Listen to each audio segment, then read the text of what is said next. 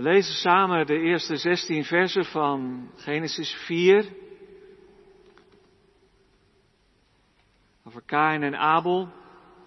En dan nog uit de brief aan de Hebreeën, twee versen waarin Abel ook genoemd wordt. Hebreeën 11, vers 4 en 12, vers 24, omdat die twee versen ook weer licht werpen op deze geschiedenis. Genesis 4.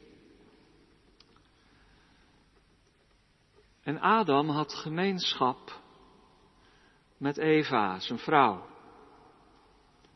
En ze werd zwanger en baarde Kain.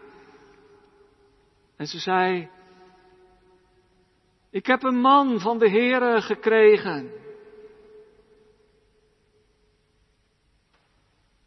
En ze baarde opnieuw zijn broer Abel. Abel werd herder van klein vee en Kain werd bewerker van de aardbodem.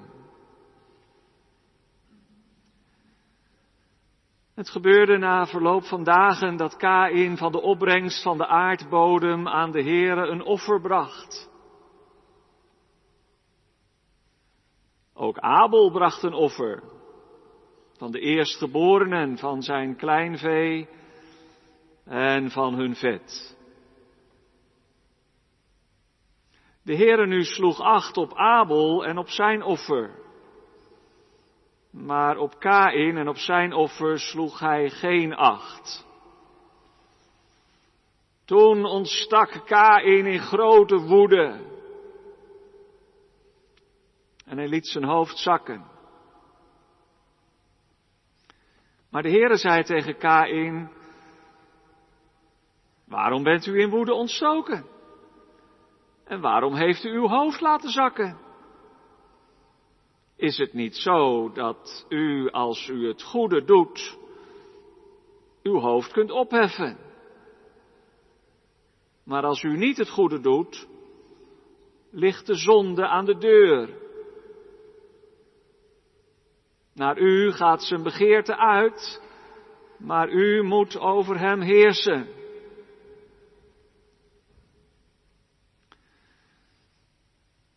En Kain sprak met zijn broer Abel.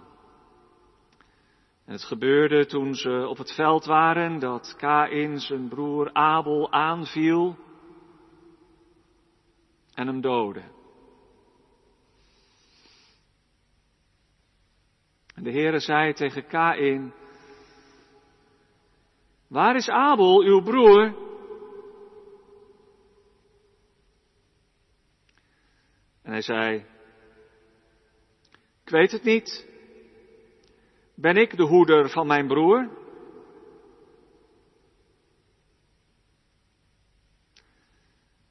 En hij zei, wat heb je gedaan?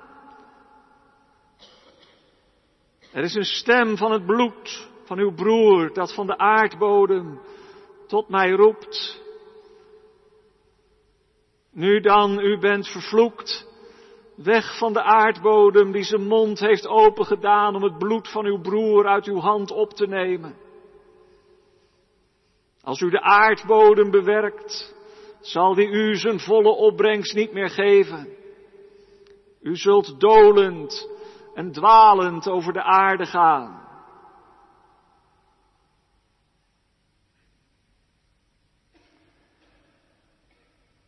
En Kain zei tegen de Heere, mijn misdaad is te groot om vergeven te worden. Zie, u verdrijft mij heden van het aangezicht van de aardbodem. En ik zal voor uw aangezicht verborgen zijn en dolend en dwalend over de aarde gaan. En het zal zo zijn dat al wie mij tegenkomt mij zal doden. Maar de Heere zei tegen hem, Daarom zal al wie Kain dood zevenvoudig gewroken worden. En de Heere merkte Kain met een teken, zodat niemand die hem tegenkwam hem zou doden. Toen ging Kain weg van het aangezicht van de Heere. En hij woonde in het land Not, ten oosten van Eden.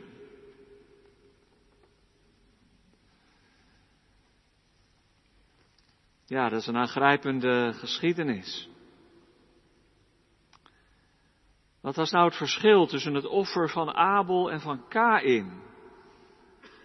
Er staat niet zoveel over. Alleen dat God het ene offer aanzag en het andere niet. Maar in Hebreeën 11, vers 4, er staat een antwoord op die vraag. We lezen Hebreeën 11, vers 4. Door het geloof heeft Abel God een beter offer gebracht dan Kain. Daardoor kreeg hij getuigenis dat hij rechtvaardig was. Dit heeft God met het oog op zijn gaven getuigd. En door dit geloof spreekt hij nog nadat hij gestorven is.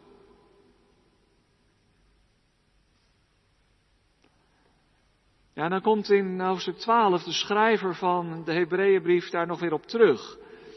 Over die stem van het bloed. Dat roept van de aardbodem. Het gaat vanaf vers 22, hoofdstuk 12, vers 22, over de tegenstelling tussen de berg Sinaï, die brandde van vuur en rook en bliksemstralen, en de berg Jeruzalem, de berg Sion, waar we door het geloof naartoe mogen gaan, naderen tot God. Jullie zijn naar Sion toegekomen, staat er in vers 22. En dan in vers 24. En tot de middelaar van het nieuwe verbond, Jezus. En tot het bloed van de besprenging, dat van betere dingen spreekt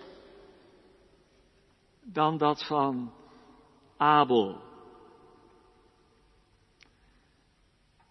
Hier dus een lijn van Abel, de eerste martelaar, naar Jezus, de middelaar.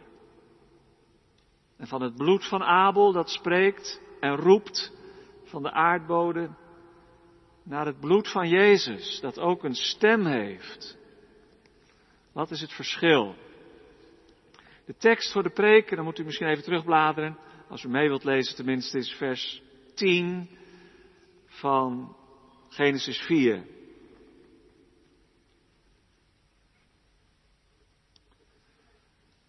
En hij zei, wat hebt u gedaan? Er is een stem van het bloed van uw broer dat van de aardbodem tot mij roept. Ik besef dat het een heftige geschiedenis en een heftig onderwerp is. Maar met al het eh, geweld waarmee we geconfronteerd worden in de wereld om ons heen, leek het me toch ook wel goed om erbij stil te staan en ons ook af te vragen wat de Bijbel daarover zegt. Helemaal aan het begin over dat bloedvergieten en over de stem van het bloed. Waar komt dat toch vandaan? Geliefden in de Here, Jezus Christus. Waarom begint de Bijbel met deze geschiedenis? Zo vlak na de zondeval. Aan de ene kant gaat het over een gezin, het eerste gezin in de Bijbel, waarin de onderlinge relaties al zo verstoord zijn en wat eindigt op een dag vol verdriet. Er is geen groter verdriet dan het verlies van een kind aan de dood. En terwijl ik het zeg, besef ik dat er onder ons waarschijnlijk mensen zijn die dat ook hebben meegemaakt. Je kunt ook een kind verliezen aan het leven. Als zij of hij nooit meer thuiskomt. En Adam en Eva verliezen op één dag hun twee zonen. De een aan de dood. En de ander, Kain, hebben ze waarschijnlijk nooit meer teruggezien. Aangrijpend. Wat een verdriet. Tegelijk zou je natuurlijk ook, als het om die oergeschiedenis gaat, waarin ook heel veel wordt opengelaten in de Bijbel, wij stellen daar allerlei vragen bij, met wie was Kain en later Zet nou eigenlijk getrouwd en Kain zegt, al wie mij vindt zal mij doden, maar wat bedoelt hij daar nou mee? Nogmaals, dat zijn vragen waar ik verder ook niet op inga. Het zijn wel vragen die de tekst zelf oproept. Bij die oergeschiedenis van de mensheid gaat het natuurlijk ook om een spiegel. Niet alleen voor huiselijk geweld en verdriet, maar ook om de vraag waar komt het bloedvergieten nou uiteindelijk vandaan? Een spiraal van geweld. Een draaikolk van escalatie op escalatie. En we zien het voor onze ogen gebeuren. Bloedwraak. Maar wat zegt de Heer daar nou van in zijn woord? En dan stelt hij zelfs voor deze moordenaar een perk, een grens aan het geweld. Hoewel in de dood verdiend had, mag niemand hem doden. En hij krijgt zelfs een teken van God om hem te beschermen. Te beschermen voor die spiraal van geweld. Sommigen zeggen dat de Bijbel een gewelddadig boek is. Verhulst schreef een hervertelling van Genesis met de veelzeggende titel Bloedboek. Nou, dat hakt er wel in religie en geweld. Monotheïsme en geweld. kijk ook nog maar Israël, wat er allemaal gebeurt. En zeggen dan heel veel ongelovigen niet schouderophalend. Zie je wel hoe gevaarlijk dat is? Dat fanatisme en dat radicale geweld in de islam, maar ook in andere godsdiensten. Bloedboek. Is dat de Bijbel? Ze zeggen het wel. En we kunnen er ook niet omheen dat het daarmee begint in Genesis 4.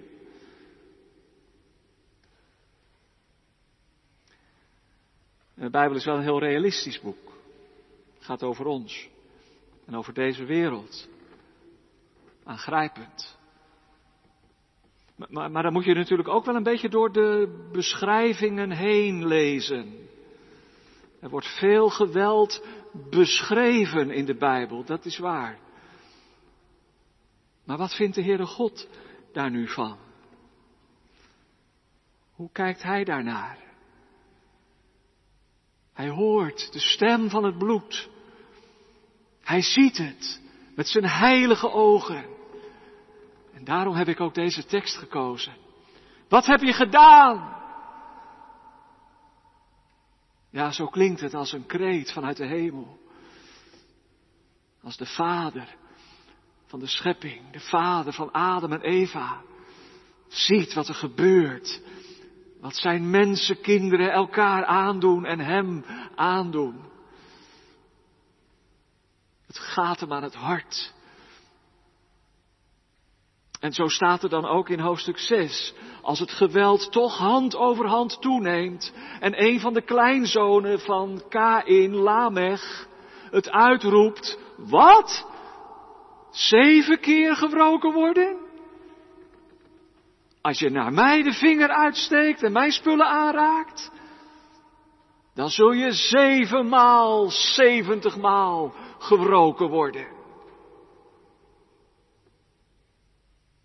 De hardheid, het geweld dat hand over hand toeneemt En dan staat er in Genesis 6, de Heere God had er spijt van dat hij de mens gemaakt had op de aarde. Het berouwde hem. Ja, zegt Calvijn meteen, dat is menselijk uitgedrukt, dat zal ook wel. Maar, maar er staat bij en het smartte hem aan zijn hart. In de oude statenvertaling. Het deed hem pijn in zijn hart om te zien wat er op de aarde gebeurde. Zo is Israëls God, zo is onze God. Als die ziet wat er aan de hand is.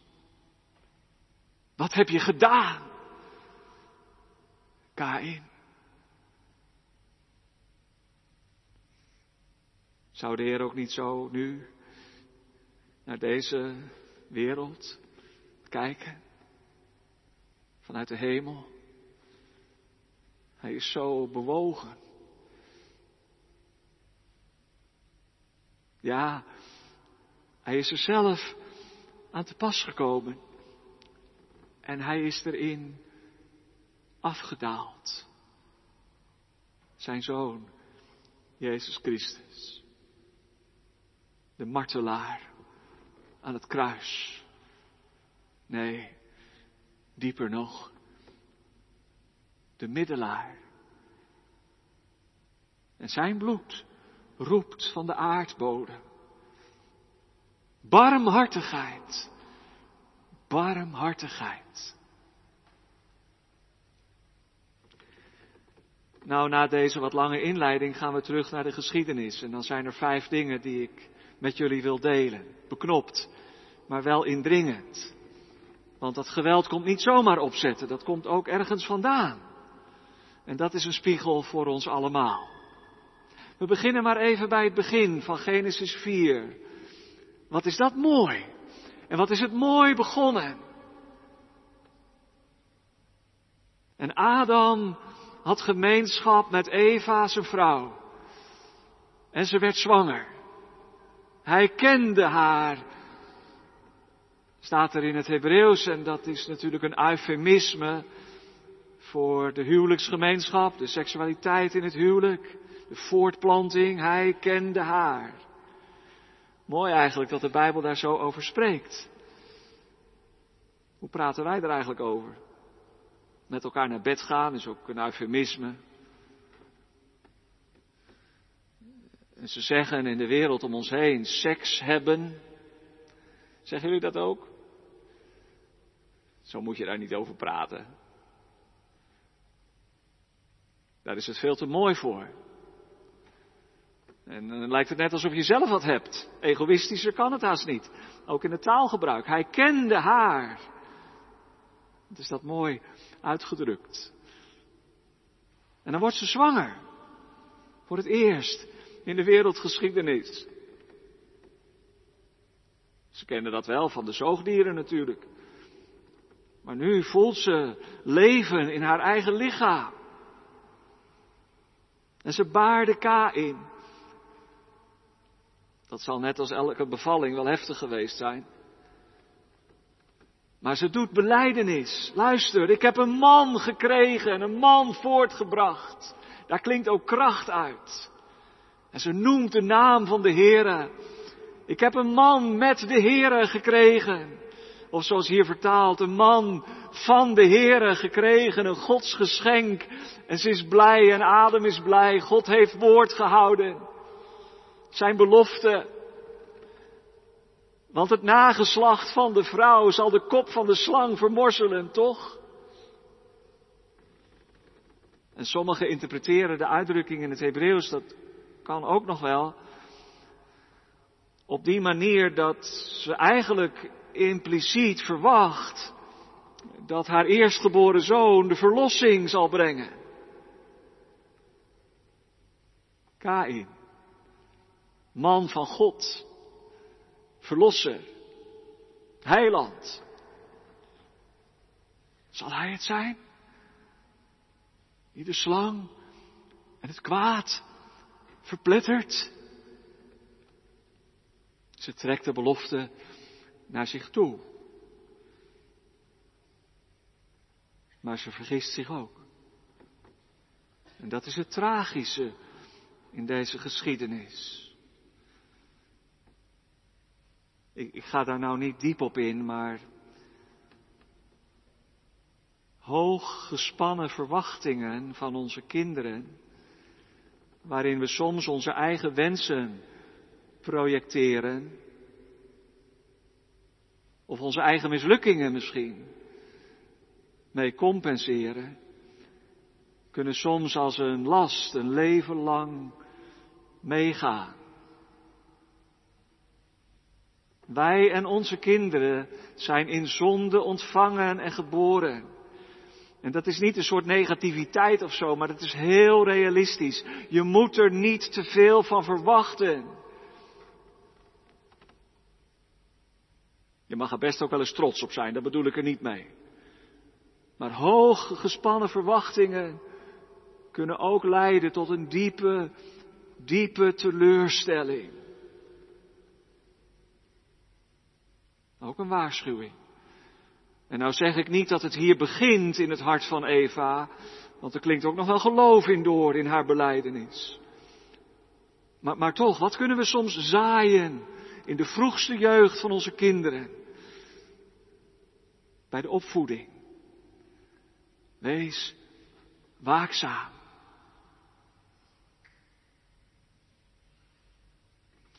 En dan, dat is het tweede bedrijf, zou je zeggen, in deze geschiedenis, groeien ze allebei op en de een wordt boer en de ander wordt ook boer. Er was natuurlijk ook niet zoveel meer te doen dan de akker verzorgen, zoals de Heer de opdracht gegeven had, de aarde bewonen en bebouwen. Dat doet Kain. Of het vee verzorgen, een akkerbouwer en een veehouder. Abel. Twee verschillende jongens. Ook al was het misschien wel een tweeling, zou kunnen. Er staat namelijk in één adem door dat ze opnieuw baarden, maar we weten dat niet zeker. En wat een rivaliteit kan er ook zijn in een gezin tussen broers. De oudste en de tweede. Ieder neemt zijn eigen plekje in. In een gezin, maar wat zijn relaties soms ook gecompliceerd. Dat staat hier niet. Er staat wel, en dat is het tweede, dat ze allebei een offer brengen. Kain is de oudste en hij is het eerst en hij brengt een offer van de opbrengst van het land voor de Here. Er is niks mis mee dat hij dat offer brengt. En er is ook niks mis met een offer van graan of andere gewassen van het veld. Dat zie je ook later in de wetgeving van Mozes. En Abel denkt, nou, dat ga ik ook doen. Misschien dat Kain wel gedacht heeft, nou moet jij nou altijd precies hetzelfde doen dat ik ook doe? Dat weten we niet. En Kain brengt van zijn vee de eerstgeborenen en hun vet. Je zou kunnen vertalen het allerbeste. En dan staat er iets vreemds. De Heere sloeg acht op Abel en op zijn offer. Maar op Kain en op zijn offer sloeg hij geen acht. Let op de volgorde. Er staat niet dat de Heer geen acht sloeg op het offer, maar niet op de persoon. Wel op Abel en zijn offer, niet op Kain en op zijn offer. Niet wat je geeft is heel belangrijk, maar hoe. Hoe offeren wij onze dank. Dat zijn dankoffers. En wat je dan ook geeft, of het veel is of weinig, wat je missen kunt. Het belangrijkste is hoe je het geeft. En we weten dan uit de Hebreeënbrief, uit de uitleg die de schrijver daaraan geeft, geïnspireerd door de Heilige Geest, leest hij deze geschiedenis met al die andere geschiedenissen uit het Oude Testament. En hij zegt, door het geloof heeft Abel een beter offer geofferd. Het verschil zit hem dus niet in het uiterlijke. Sommigen zeggen nou dat lam, dat, uh, als het een lam was of een ander schaap of een geit, dat Abel offerde wijst heen naar het lam van God. Dat zou je kunnen zeggen, dat is misschien ook wel zo, een mooie lijn. Maar we moeten ook weer niet zo ver gaan dat Abel als het ware helemaal de verzoening door het offerlam voor zich zag. Dat zou wel een beetje te ver gaan. Terugbladerend kun je het misschien wel zo lezen. Nee, het gaat om het geloof van Abel. En dan staat er van hem ook wel bij dat hij het beste gaf wat hij had. En van Kain staat dat er niet. Maar, maar belangrijker is je motief. Geef je het om er zelf beter van te worden? Omdat je dan rekent op de zegen van God om er wat voor terug te krijgen? Of geef je het uit liefde en uit vertrouwen op de Heere? Een groot verschil. En ze merken het allebei. Abel krijgt een getuigenis in zijn hart dat het goed is wat hij doet.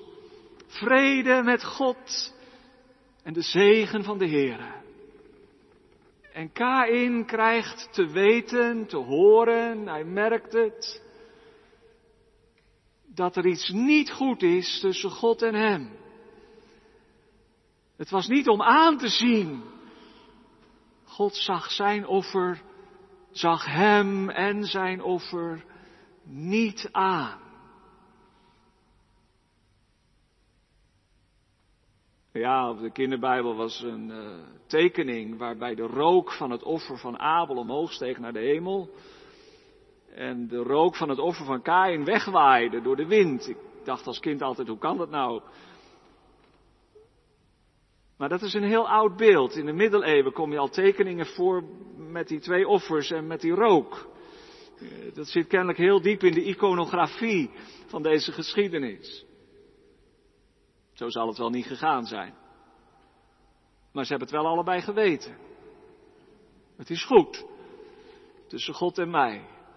Genade, geloof.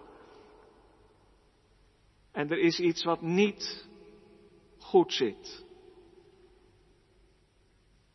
Ik heb wel geofferd. Maar het heeft me niet geholpen. Ik ben er eerder verder mee bij God vandaan gekomen. En dat brengt me bij het derde, dat is na de geboorte en het offer, de jaloezie die de kop opsteekt. Toen ontstak Kain in grote woede en hij liet zijn hoofd zakken. Hij was niet meer blij. Er was een spanning in huis, in het gezin. Onuitgesproken misschien. Maar hij kon niet meer met een vriendelijke blik naar Abel kijken. Hij vond het gewoon gemeen wat hier gebeurde. Hij wel en ik niet. Waarom niet? Denkt hij dat hij beter is dan ik of zo? Jaloezie. Afgunst. Dat, dat is niet alleen dat je graag wilt hebben wat de ander heeft. Dat hoeft nog niet eens altijd verkeerd te zijn als het iets is waar je maar naar mag verlangen. Gezondheid of, of iets anders. Maar afgunst is dat je het eigenlijk niet kunt verdragen dat die ander het wel heeft, terwijl jij het niet hebt. En het draait hier eigenlijk om de genade van God voor Abel. Er zit ook boosheid in het hart van Kain tegen God. Het is niet eerlijk. Het is gemeen. En zijn hoofd knakt naar beneden. En hij is zo boos. En het begint aan hem te knagen. En de jaloezie wordt wrok, omdat het wordt gevoed en het wordt zelf medelijden. Dat kan trouwens je grootste vijand worden. Als je daar voedsel aan geeft. Zelf medelijden. Wat erg. Nee, die moord komt niet zomaar opzetten in een vlaag van verstandsverbijstering. Het heeft een heel diepe wortel. Een concurrentiestrijd tussen twee broers. Het gevoel de mindere te zijn. afgunst. Zie je de spiegel? Ik ga dat nu niet toepassen op het wereldgebeuren. Maar denk er eens over na. Al dat onschuldig bloedvergieten. Ook van vandaag. Heeft een diepe wortel. Het zit in onze door de zonde aangetaste genen, zou ik bijna zeggen. Het is erfzonde. Daar gaat het ook over in Genesis 4. Het is verschrikkelijk. En als je jezelf een beetje, een beetje kent, door Gods genade, in het licht van de heiligheid van God, dan begrijp je de Heidelbergse catechismus, die zegt, God verbiedt niet alleen moord en doodslag, dat verbiedt de wet ook. Maar God haat. Ja, dat is een sterke uitdrukking over God. Over God die liefde is. God haat alle nijd en afgunst en haat. En hij houdt het voor een doodslag of een moord. Als wij er voedsel aan blijven geven. En zo heeft Jezus ook de wet aangescherpt. Jullie hebben gehoord dat gezegd is, u zult niet doodslaan. Ik zeg u, wie zijn broeder haat, is een doodslager. Aangrijpend. En wat doet dat met het vaderhart van God? Die ons door en door kent. Nou, wat het doet, dat lees je in de reactie van de Heer. Dat vind ik eigenlijk wel mooi. Hij spreekt hem erop aan. Ja, vroeger ging dat heel direct vanuit de hemel. Er was geen Bijbel, nog geen kerkdienst. Maar God zegt tegen Kain, waarom ben je nou zo boos? Dat is één. Dat is een vraag. Is er nou reden voor? Waarom ben je nou zo boos? Als jij het goede doet, is er verhoging. Je kan je toch bekeren en het goede doen in plaats van het kwaad. Geef mij je hart. Vertrouw op mij zoals je broer het ook doet. En dan is het weer goed. Je bent toch niet verplicht om op dit spoor van de wrok voor te gaan? Doe dat niet. Waarom? Waarom zou je dat doen? En, en dan nog een keer. Als je niet goed doet, dan ligt de zonde aan de deur als een slang. Dat is het beeld. Hij ligt klaar om je te grazen te nemen. En je in de hielen te bijten. Nee, Kain, jij bent de Messias niet die de kop van de slang zal vermorzelen. Dat is nu wel duidelijk. Maar als je zo doorgaat, word je gebeten door de slang. Hij ligt op de loer. Je krijgt een laatste waarschuwing. En dan nog één ding. Zijn begeerte gaat toch naar u uit en u zult over hem heersen. Sommige verklaarders passen dat toe op de zonde waar je over moet heersen en je niet door moet laten beheersen. Zeker als het om agressie en drift gaat, is dat natuurlijk zo. Maar het zijn dezelfde woorden die God ook tegen Eva spreekt in Genesis 3. Als het over Adam gaat. Ik, ik leg het liever zo uit dat het over Abel gaat. Je bent toch de oudste? En dus, nou ja, in die patriarchale context, je de erfgenaam. En straks het hoofd van de familie. En zijn begeerte gaat naar u uit. Hij kijkt tegen je op, het is je broertje. Zoals kleinere broers naar hun oudste broer kunnen opkijken. Ook al is er misschien rivaliteit. Je zou het ook nog zo kunnen lezen. Uh, Kain, waarom ben je nou zo boos? Pas op voor de slang en tel je zegeningen één voor één. Want er is geen enkele reden om zelf medelijden te koesteren en jaloezie te voeden. Je bent de oudste. En Abel kijkt eigenlijk ook nog tegen je op. Waarom? Wat heb je te klagen? En toch zien we dat Kain voortgaat op de ingeslagen weg. Het brengt me bij het vierde bedrijf. En Kain sprak met zijn broer Abel.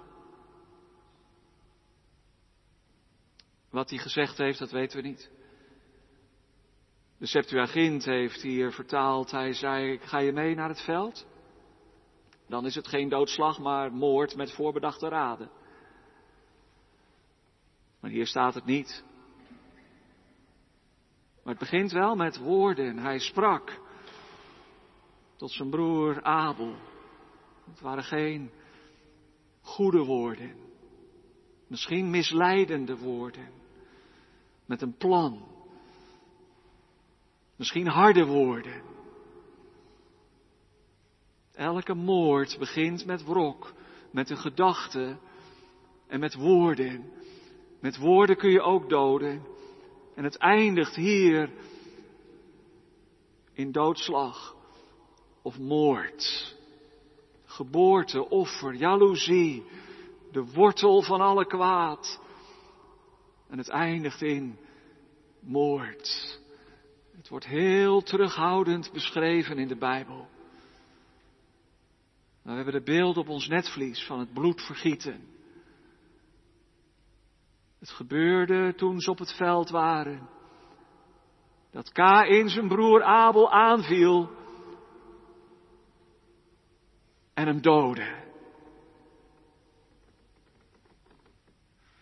Daar ligt het levenloze lichaam van het eerste slachtoffer van zinloos geweld. Met een steen of een stok. Maar misschien wel met een, met een mes. Omdat er zoveel bloed vloeit en de aarde zijn mond open doet. Om het ware, als het ware, dat bloed op te drinken. Zo staat het er. Het onzielde lichaam van zijn broer. En Kain gaat weg. Hij laat hem daar liggen. Als een prooi voor de roofdieren of de aasgieren. Verschrikkelijk.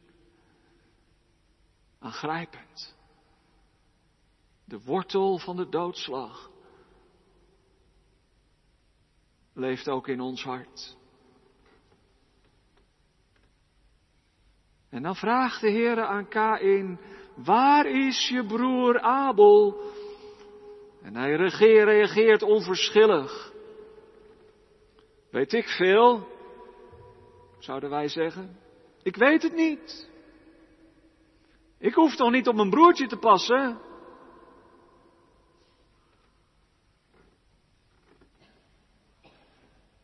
De Joodse uitleg zegt dat hij daarmee eigenlijk God de schuld geeft. Dan lees je er wel veel in. Maar alsof Kain wil zeggen, had u niet beter op hem kunnen passen dan? Dat is toch mijn taak niet? Ben ik mijn broeders hoeder? U.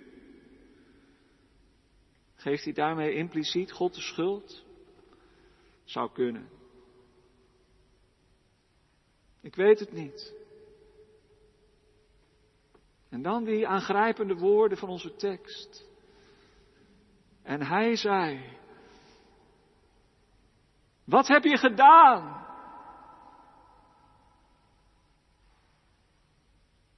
Indringend. Een stem vanuit de hemel, vanuit het vaderhart van God. Kain, wat heb je nou gedaan?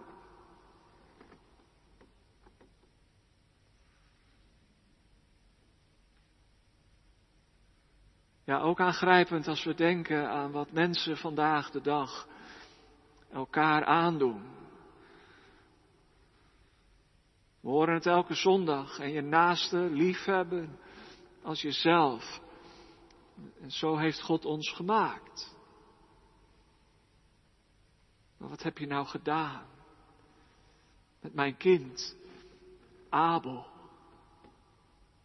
Voel je de emotie ook in dat vers?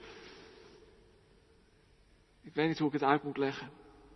Het staat er zoals het er staat. Er is een stem van het bloed dat tot mij roept van de aardbodem. Wat is er overgebleven van dat verloren paradijs? Wat een wereld waarin dit gebeurt. Waarin broers en zussen elkaar naar het leven staan. Want zei iemand ook met het oog op de oorlog in Israël en de Gazastrook.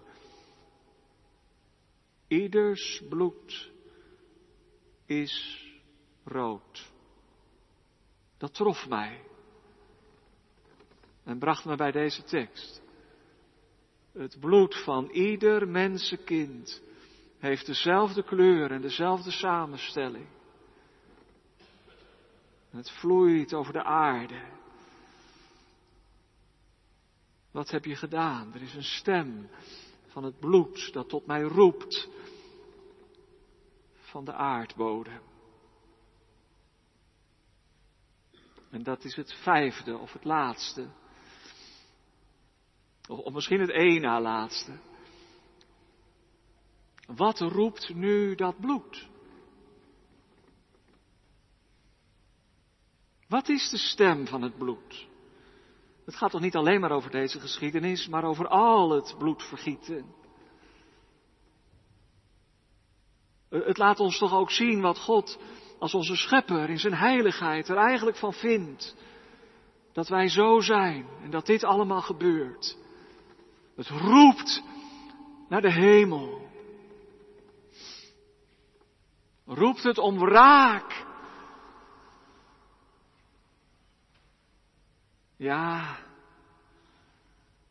zo gaat het vaak wel in de geschiedenis van de mensheid en soms ook in de Bijbel. Het ene geweld roept het andere op. En het gaat maar door in een eindeloze cirkel van geweld, een spiraal die ons naar beneden trekt. Maar ik heb het al weggegeven, ik heb het al gezegd, God doorbreekt nu juist die spiraal.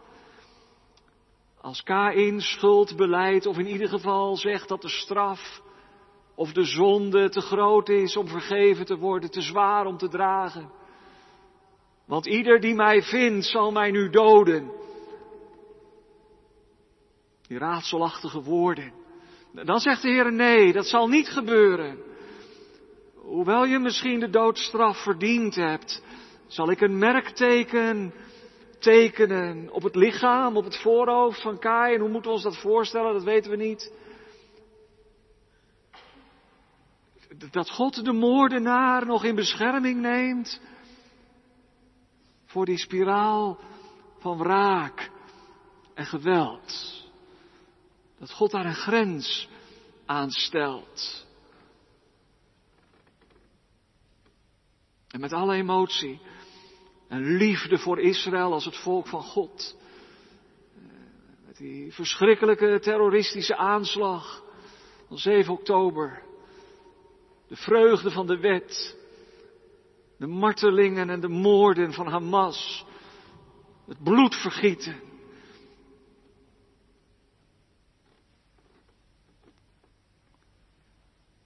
En dan toch waakzaam zijn.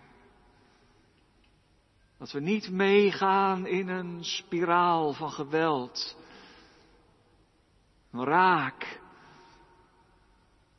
Dat we het niet goed vinden dat er nu aan de andere kant zoveel slachtoffers vallen. Alsof dat goed zou zijn. Zelfverdediging van Israël is nodig, dat weet ik.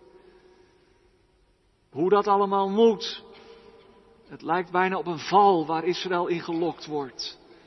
Dat weet ik ook niet. Hamas is een verschrikkelijk kwaad. Maar we mogen niet meegaan in gevoelens van wraak. Want ook daar in de Gazastrook wordt geleden. Ook daar vloeit het bloed van kinderen, van vrouwen, van mannen. Stem van het bloed roept van de aardbodem. Wat roept dat dan? Nou in één woord. Vervloekt. Niet de zegen, maar de vloek. Ga maar weg van de aardbodem. Waar je voor gezorgd hebt en waar je van geleefd hebt. Er is eigenlijk geen plek meer voor Kain op de aarde. Rusteloos. Dolend en dwalend over de aarde. Altijd opgejaagd door het beeld op zijn netvlies van zijn, van zijn broer. Van het gedode lichaam, van het bloed dat hem in zijn geweten pijnigt en achtervolgt. Moet je het zo lezen? Ga maar weg, Kain. En hij gaat ook weg. Al heeft hij dan dat merkteken. Weg van het aangezicht van de Heere. Zo kun je niet meer bij hem horen. Bij de schepper van het leven, bij de God van het leven. Je hebt het er zelf naar gemaakt. Ga maar weg, zegt de Heer. Ik kan je niet meer verdragen, ik kan je niet meer zien. Ga maar weg. Dat is de vloek. Als een consequentie van het geweld en van het kwaad. De scheiding tussen God en Kain. En tussen God en ons. Dat bloed roept, ga weg.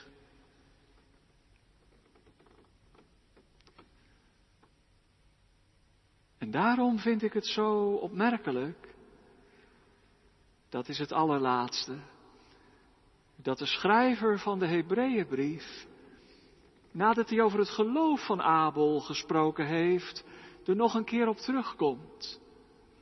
Als het gaat om het bloed van Jezus, het bloed van de besprenkeling, van het ultieme offer dat Hij gebracht heeft met zijn eigen lichaam, met zijn eigen bloed, zijn leven, zijn ziel.